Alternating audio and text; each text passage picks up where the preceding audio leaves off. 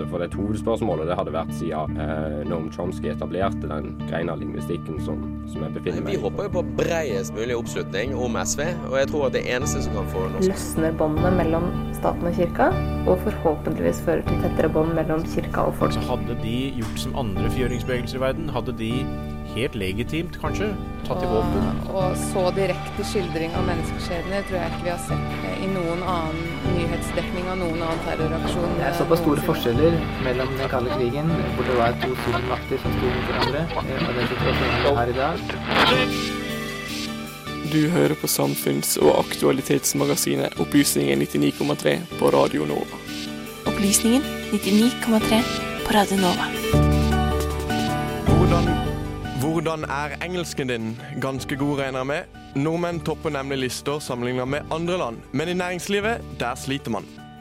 Glade jul, herlige jul. Hvordan sikre en hvit og ikke altfor konsumdominerende jul? Vi tar en prat med Fremtiden i våre hender for å få svar på hvordan ha en mer miljøvennlig høytidsfeiring. Og vi skal få høre noen gjenhør fra et knippe av 2018s høydepunkter her i Opplysningen i det som er dette årets nest siste sending at i stedet for å bli bare en nyere versjon av Kyoto, så vil det kanskje være det man kaller for en balansert pakke. Men eh, vi vet at uh, før eller senere, for det er såpass mange av disse legemene, så er det en med adresse jorden. Og når det skjer, så bør vi være forberedt phrase they always use is 改变命运, which means change your fate. You know, and they say I don't want to be a farmer like my parents. Jeg tror jo at uh, internasjonal militære nærvær i de åtte og et halvt årene vi har stått i Afghanistan, faktisk har bidratt først og fremst til situasjonen der. Opplysningen 99,3 på Radio Nova. God morgen og vel møtt til denne ukas sending av Radio Novas opplysningsprogram. Vi har en kjempesending foran oss. Mitt navn er Are, og ved min side har jeg Vebjørn. God morgen, Vebjørn. God morgen, alle sammen. Fikk du julestemning av den introduksjonen vi hørte her i begynnelsen? Eh, spesielt din sang, kanskje? Ja. ja. Herlig. Vi skal begynne denne sendinga her med en, um, språk, et språkinnslag. Og uh, det er uh, med utgangspunkt i at nordmenn ofte havner på toppen av Education Firsts liste over verdens lands eh, evne til å snakke engelsk. Stemmer det egentlig, spør vi oss, og hva er i så fall hemmeligheten? Med oss i studio så har vi redaksjonsleder for et annet program her på Radio Nova, Snakker ikke norsk. Og i det som i dag må kalles Opplysningens språkkommentator, Sabrina Martin. Velkommen til Opplysningen. Thank you. Good morning. Uh, Do you feel it's right that uh, Norwegians generally speak good English? Yes, yeah, that's true. Absolutely. I think it's um, uh, you're very much lucky with the television and not being dubbed from uh, an early age. I think you get exposed to it. Because you're from a country which uh, dubs uh, some of their popular culture. Where are you from, and what's your story? Uh, I'm from France, northeast of France. Um, and yeah, I lived in France for 19 years and then I moved to the UK for seven years and now I'm here. Um, been here for seven years also. Yes. Og hvordan er din norsk? Uh, mitt norsk er OK. Yes. Uh, det er ikke helt perfekt, men jeg kan snakke litt.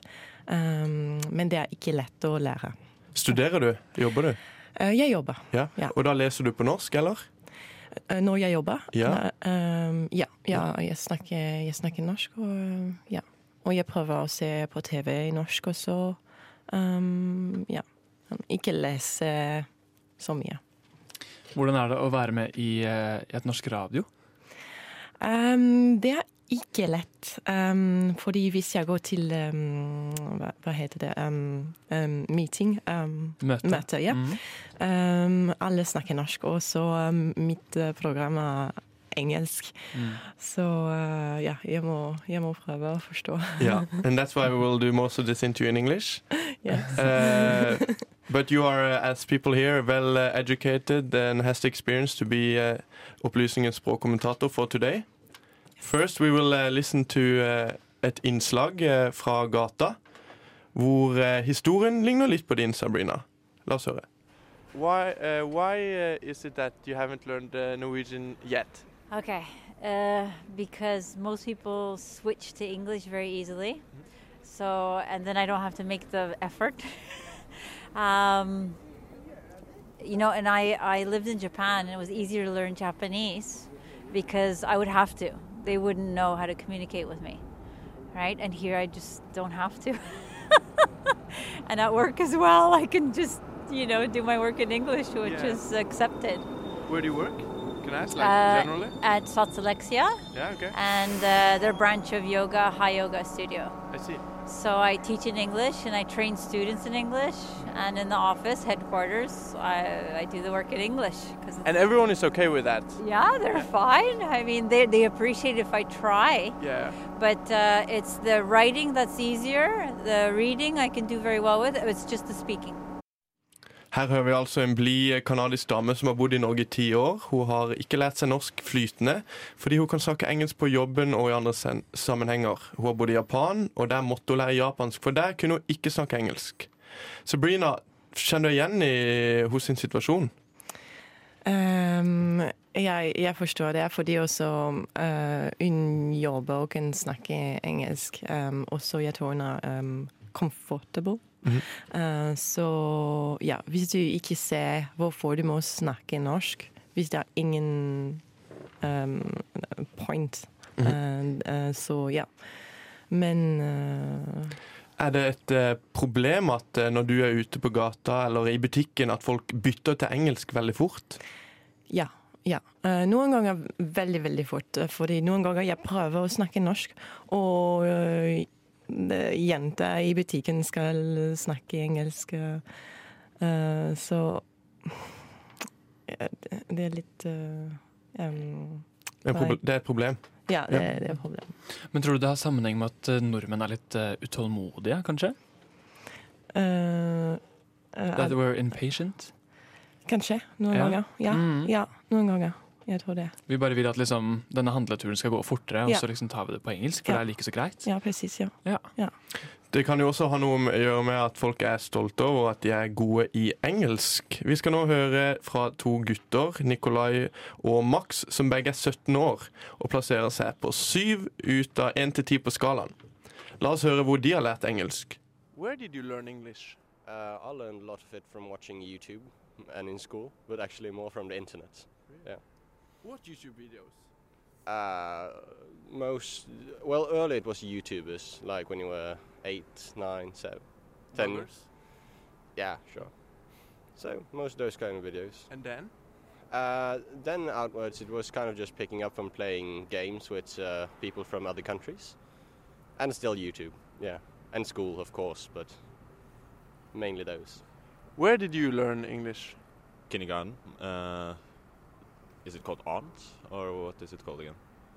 Uh, the one who. Uh, After like- school? No, in kindergarten. What uh, the teachers like? What are Uh, they called again? Um, kindergarten uncles? Yeah, sure. We go with that. Um, my my teacher, yes, uh, she was English, so I learned a lot uh, from her, and uh, I have some English relations and relatives. So yeah, here and there, and of course YouTube and the internet. A lot from gaming and stuff. You seem uh, very good in English. Are you confident in uh, your English abilities? Uh, yeah, quite. When you go traveling, do you ever, ever have problems with your English? No, not no. What about when you play games? Do you have trouble expressing yourself? Uh, sometimes, but rarely. What do you do when you have trouble expressing yourself? Well, I usually try to find other words to explain myself or give up. Yeah. Takk skal du ha, gutter. Vi hører altså her to gutter på 17, Max og Nikolai, som eh, er selvsikre i det de snakker engelsk. Sabrina, uh, we can hear here that uh, they are surrounded by a lot of English speakers and uh, that they also learn English from technology, gaming, and YouTube. You said yourself that Norwegians uh, generally speak good English. Why do you think uh, that Norwegians speak good English? Um, because you are exposed to it very early on, and um, uh, there's no awkwardness about the having another language um, coming into your life. I think if I compare to France, where um, English is a little foreign, it's like almost not that we don't want to learn, but it's just like let's protect uh, the, our own native language um, first. But it's a shame because we're losing, you know, we're losing at it. I think. Would you uh, add anything more to the list, or do you generally agree with these two guys? Uh, about uh, learning English on Yeah, uh, Sources that they use? Yeah, I think it it makes sense. That's what I see. That's um, around me, and, and video games especially. I think it's great if you want to learn uh, if you want to learn English because that's the main language, a coding system, and, and all that. Everything is in English.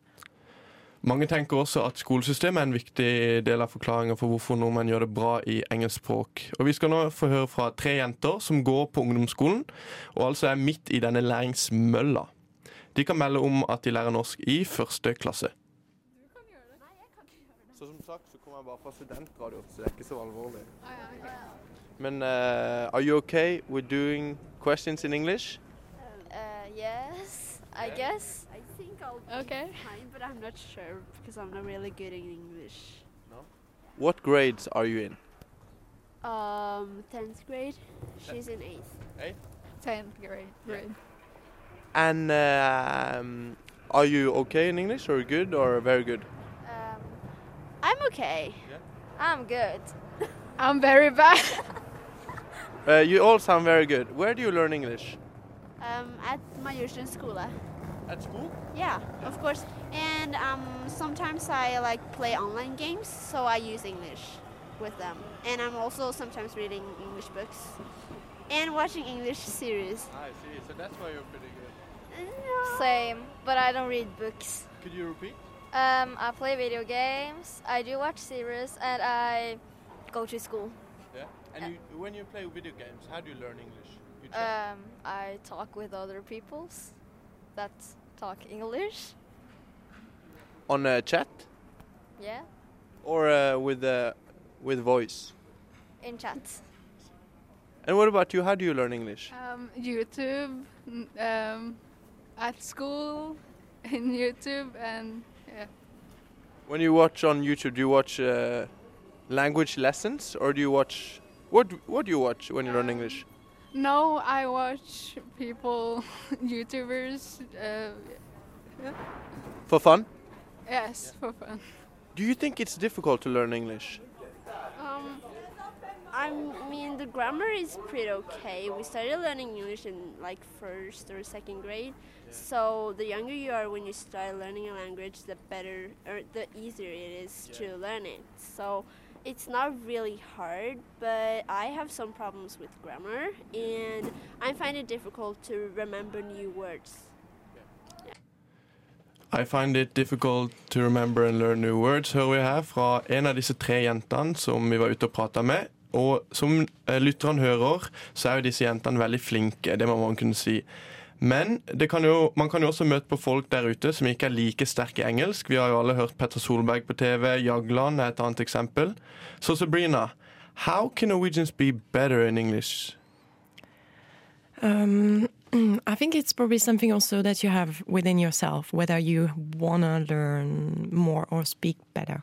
Um, because I've met French people in England that had been living there for 10, 15 years um, that could speak English, but that had a terrible accent. Like, and for me, I came, I came there, and pretty much after one year, I was uh, speaking the British English.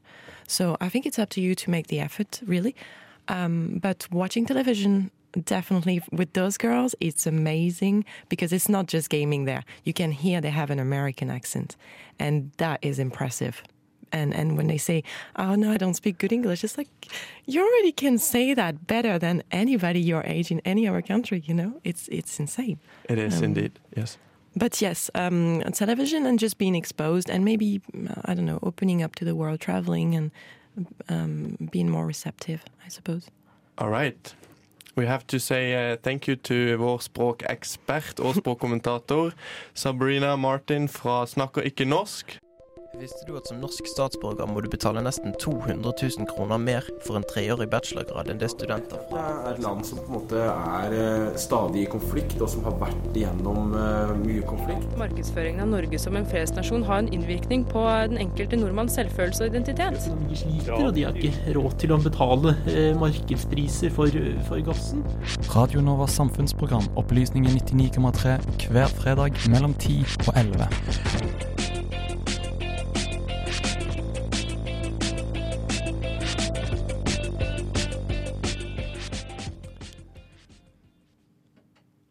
Nordmenns eh, uttale og praksis i utlandet er, som vi hørte i forrige innslag, ganske så god. I tillegg så har vi også hørt at vi ender høyt oppe på formelle lister over engelskkunnskaper, som da sammenligner oss med andre land. Likevel er det de som mener vi har mer å gå på. Stine Hulleberg Johansen, good day. Hello. Du er en av disse og skriver doktorgrad som bl.a. slår fast at det er en misforståelse at vi nordmenn snakker så godt engelsk som vi kanskje tror. I hvert fall om vi tror at vi er helt blant de beste beste. Stemmer ikke det?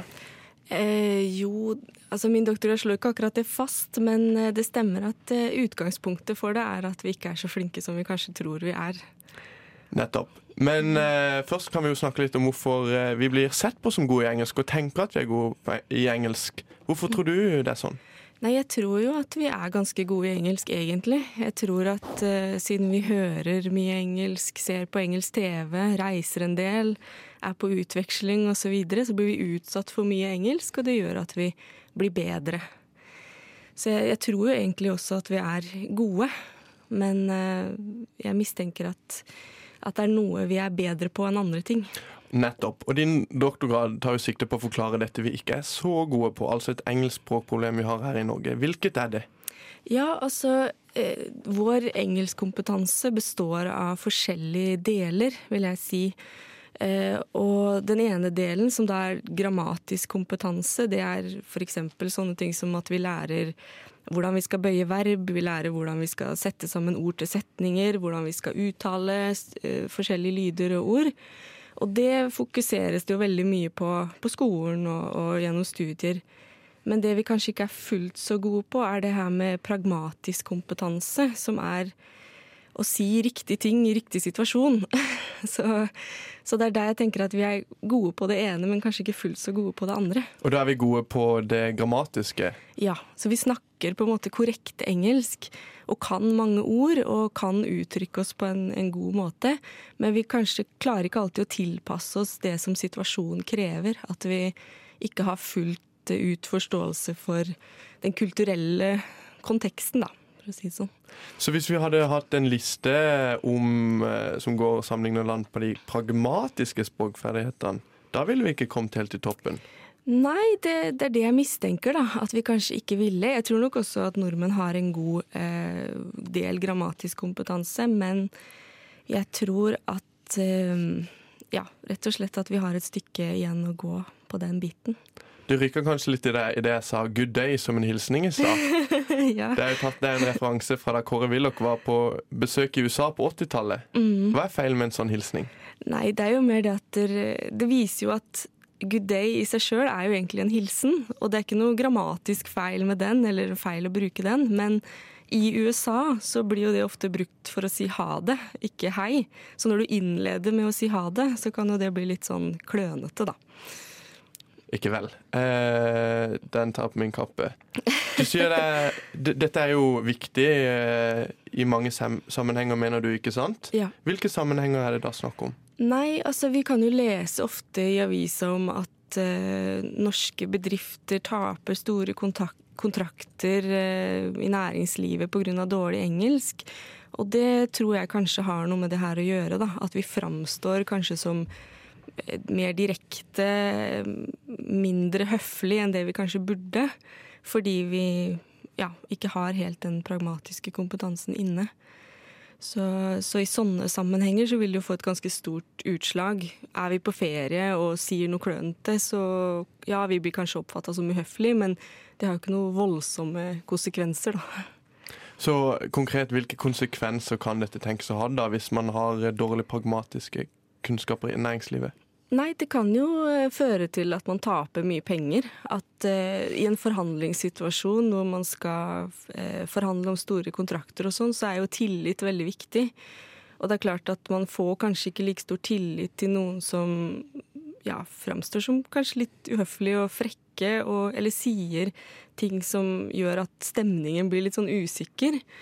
Så det er det jeg frykter, da. At det kan ha, eh, ha noe med det å gjøre.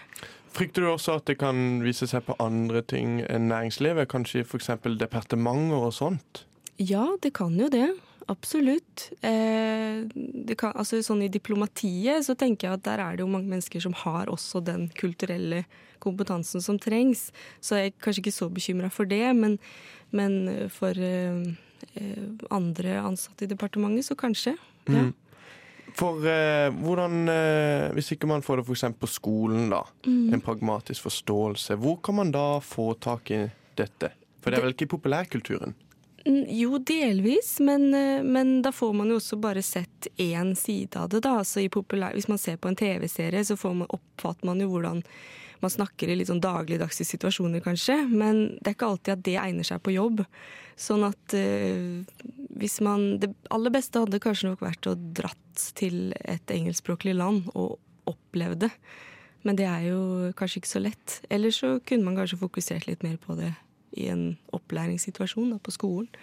Uansett så hjelper det med mer bevissthet rundt det. Tusen takk, Stine Hulleberg Johansen, for at du kom hit, og fortsatt god skriving med doktorgraden. Takk for det. Vi i Opplysningen gleder oss til å lese. Radio nå. Nå er det i morgen, faktisk, så er det 1. desember og starten på adventstiden. Eh, Og i den forbindelse så har vi fått inn eh, Karen Langvik fra Framtiden våre hender. Velkommen. Hei, takk. Vi har eh, hentet deg, deg inn for å få noen tips på hvordan man kan ha en, en litt grønnere julefeiring. Um, Mhm. Så er det Ja, har du noen eh, Hva er dine tips, egentlig? Eh, ja, eh, vi snakket jo litt om, eh, om gaver, og det er jo veldig mye fokus på å kjøpe gaver til alle. Eh, det er jo å tenke litt på eh, hva man kjøper, være litt bevisst på, på den industrien der. Ehm, kjøpe litt eh, bærekraftige ting og være litt bevisst på at det er kvalitet, eh, hvor det kommer fra. Mm. Men hva er en bærekraftig ting? Ja, hva er Godt spørsmål. Um, med, det er jo mye tips om altså, Man kan lage mye ting og kjøpe altså, kortreist. Um, tenke ting som er av kvalitet, så det er ikke bare at det blir kasta en måned etter jul. Uh, ikke bare kjøpe masse sånn uh, knips. Men um, mm, ting som kan bli repareres, ting som uh, eh, begrensa med plast. Eh, mm. Vil vi si at det er eh, Eller hva tenker du Nå har jo ikke vi noen statistikk på det her nå, men eh, hva tenker dere egentlig? Eh, har vi et sånn materielt hysteri? Eh, Et, et overforbruk i juletida?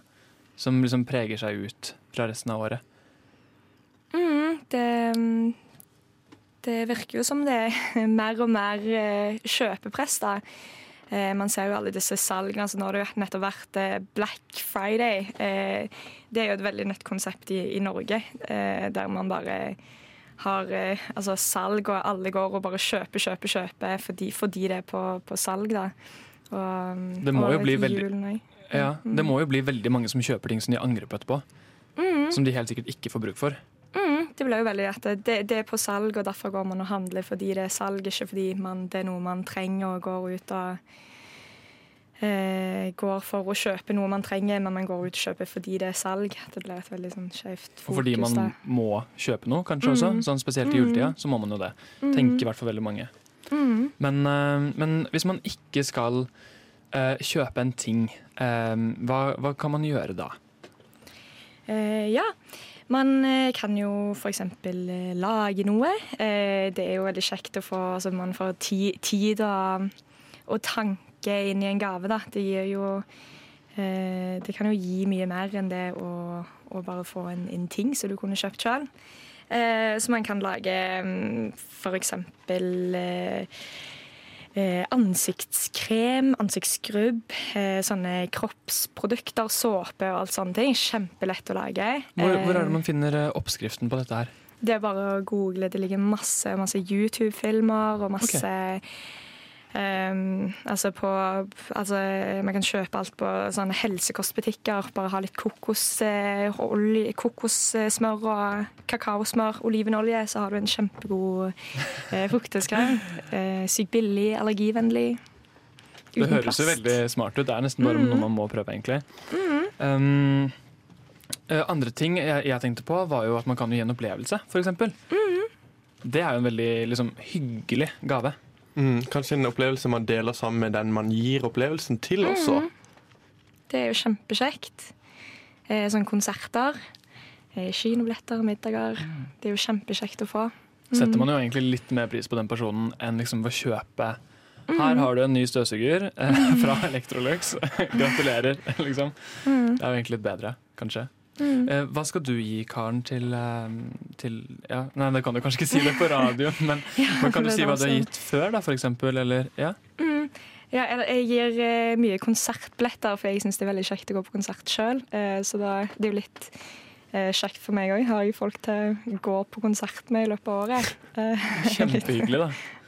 Kjekt for begge parter. Um, ellers så har jeg lagt eh, og likør lagde jeg til hele familien min i fjor. Nam.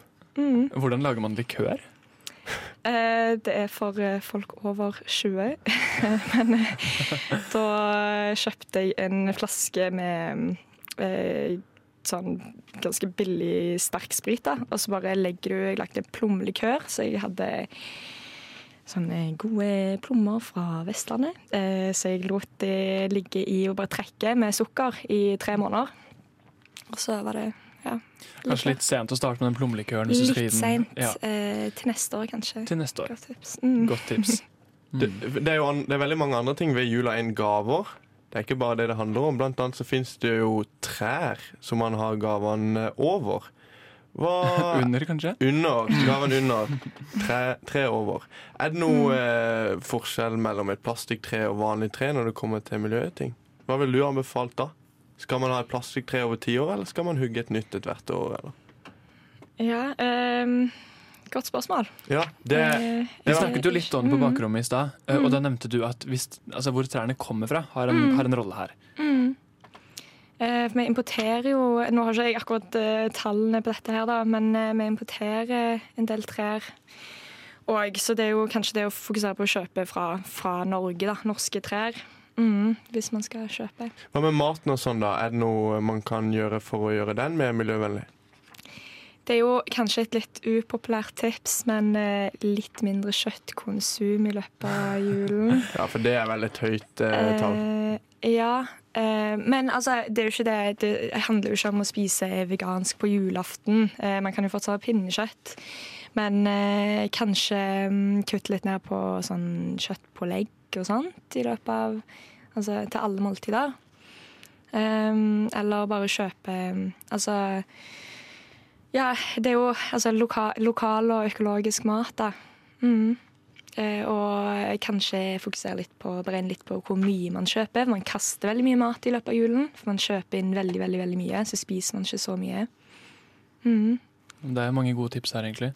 Og så kan man jo spise kjøtt liksom av og til, men romjula er jo lang, så man kan liksom Mm. bare liksom holde det til julaften, første juledag kanskje, og så nyttårsaften. Og så kan man liksom prøve å se på alternativene, da. Mm. Det finnes jo veldig mye godt der ute som ikke er kjøtt.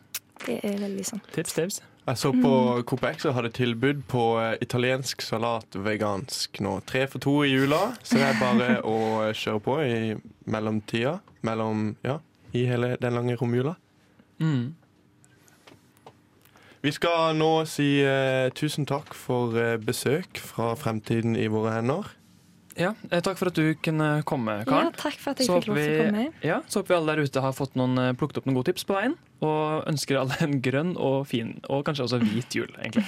Fingers crossed. Ok, hva? Ukas opplysning. Og denne gangen så går vi live under ukens opplysning.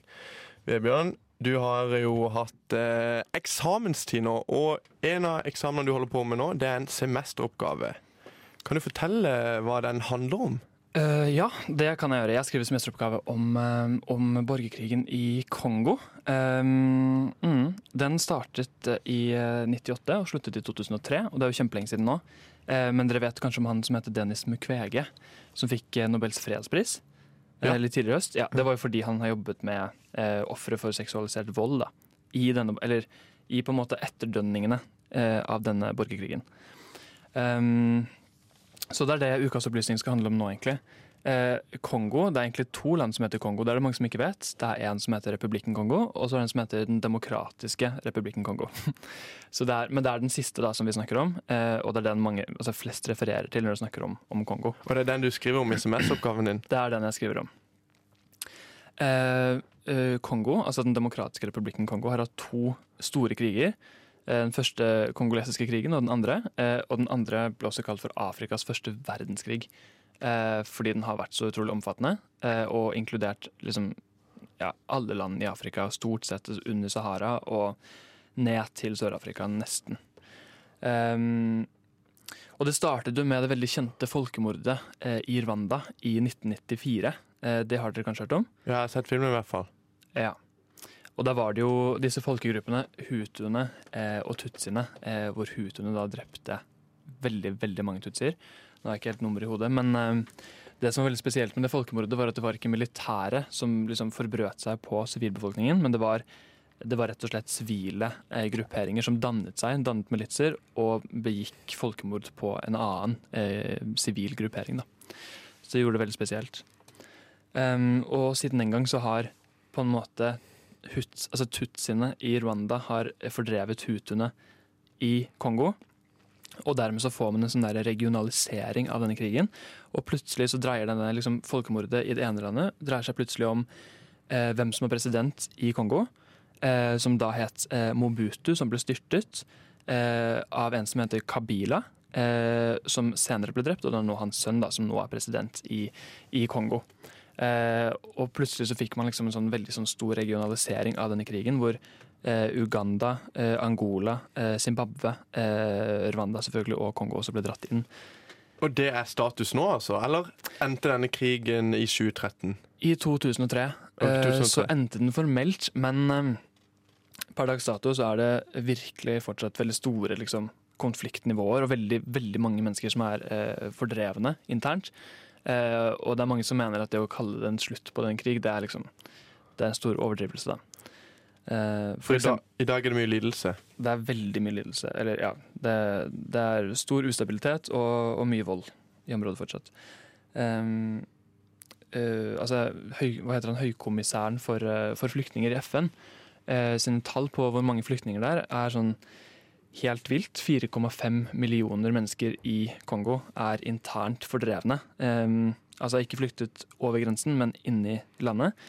Eh, og over grensen, eh, men fortsatt i Afrika, så er det 810 000 kongolesiske flyktninger. Eh, og det tenker jeg bare er noe å huske på at Når man snakker om at det er mange flyktninger som kommer til Norge og til Europa, så er det faktisk absolutt flest eh, av verdens flyktninger befinner seg fortsatt i sitt eget hjemland. Og på nummer to så kommer jo fortsatt innenfor liksom, nabolandene. Mm. Eh, det er kanskje noe man glemmer litt grann, i mange debatter. Ja, At du har nesten eh, Norges befolkning på flukt internt i selve Kongo. Ja. Mm. Det er jo vanvittige tall. Det er jo helt vilt. Um, og se for deg at du på en måte uh, Du er født i Kristiansand, Are? Det stemmer. Oppvokst i Kristiansand. Ja. Hvis, du ville, altså hvis du måtte levd i Si i Bergen, da, eh, og din familie i nå bare si gjennom Tromsø, liksom. Eh, det er klart det er jo, Selv om du fortsatt er i Norge, så er det jo en veldig stor påkjenning. Eh, så man skal ikke underdrive det, altså. Eh, dere har kanskje sett eh, Eller du har kanskje sett Blood Diamond? Yes. Ja. Det er en veldig kjent eh, film som handler om eh, Kongo og eh, diamantreservene der, som er veldig store. Um, og det er jo litt sånn det, sånn det foregår. At det er eh, litt sånn eh, eh, Hva skal man si? Altså plyndring og eh, ja. Det blander seg med veldig mange andre ting, da. Hva, hva er det semesteroppgaven din eh, kommer til å på en måte konkludere med? Er det en oppsummerende oppgave, eller er det Nei, Jeg kommer til å konkludere med Eller det, jeg gleder meg til å finne konklusjonen, egentlig. Um, men det handler jo litt om uh, hvordan denne krigen har spredd seg, da. Mm. Er det, for å avslutte tradisjonelt, er det noe fremtidsutsikter her? Kan du spå fremtida? Oi, nei, det kan jeg ikke spå. Dette er, uh, dette er andre klasse på en måte på statsvitenskap, så det er ikke så, uh, det er ikke så lett å spå framtiden ennå. Ser det, Eh, ser det dystert ut? Har konfliktnivået gått går, litt ned? Det går framover, og, og mange mener at dette er liksom et ledd i statsdannelsesprosessen. sånn at dette er på en måte en, sånn fase som eh, man må litt gjennom for å på en måte komme seg til liksom en god, et godt sted. da. Eh, kanskje litt mer sånn som Europa er, eh, er i dag. Eh, så ja, det, det, er, eh, det kan gå alle veier, egentlig. Vi har nå nådd fristen for eh, dette innslaget og denne ukens opplysning. Til det du har din frist? Det er neste uke. Ok. Mm. Vi ønsker deg lykke til. En feriestasjon har en innvirkning på den enkelte nordmanns selvfølelse og identitet. sliter, og de har ikke råd til å betale eh, markedspriser for, for gassen. Akkurat nå hører du på Radio Novas samfunns- og aktualitetsmagasin, Opplysningen 99,3.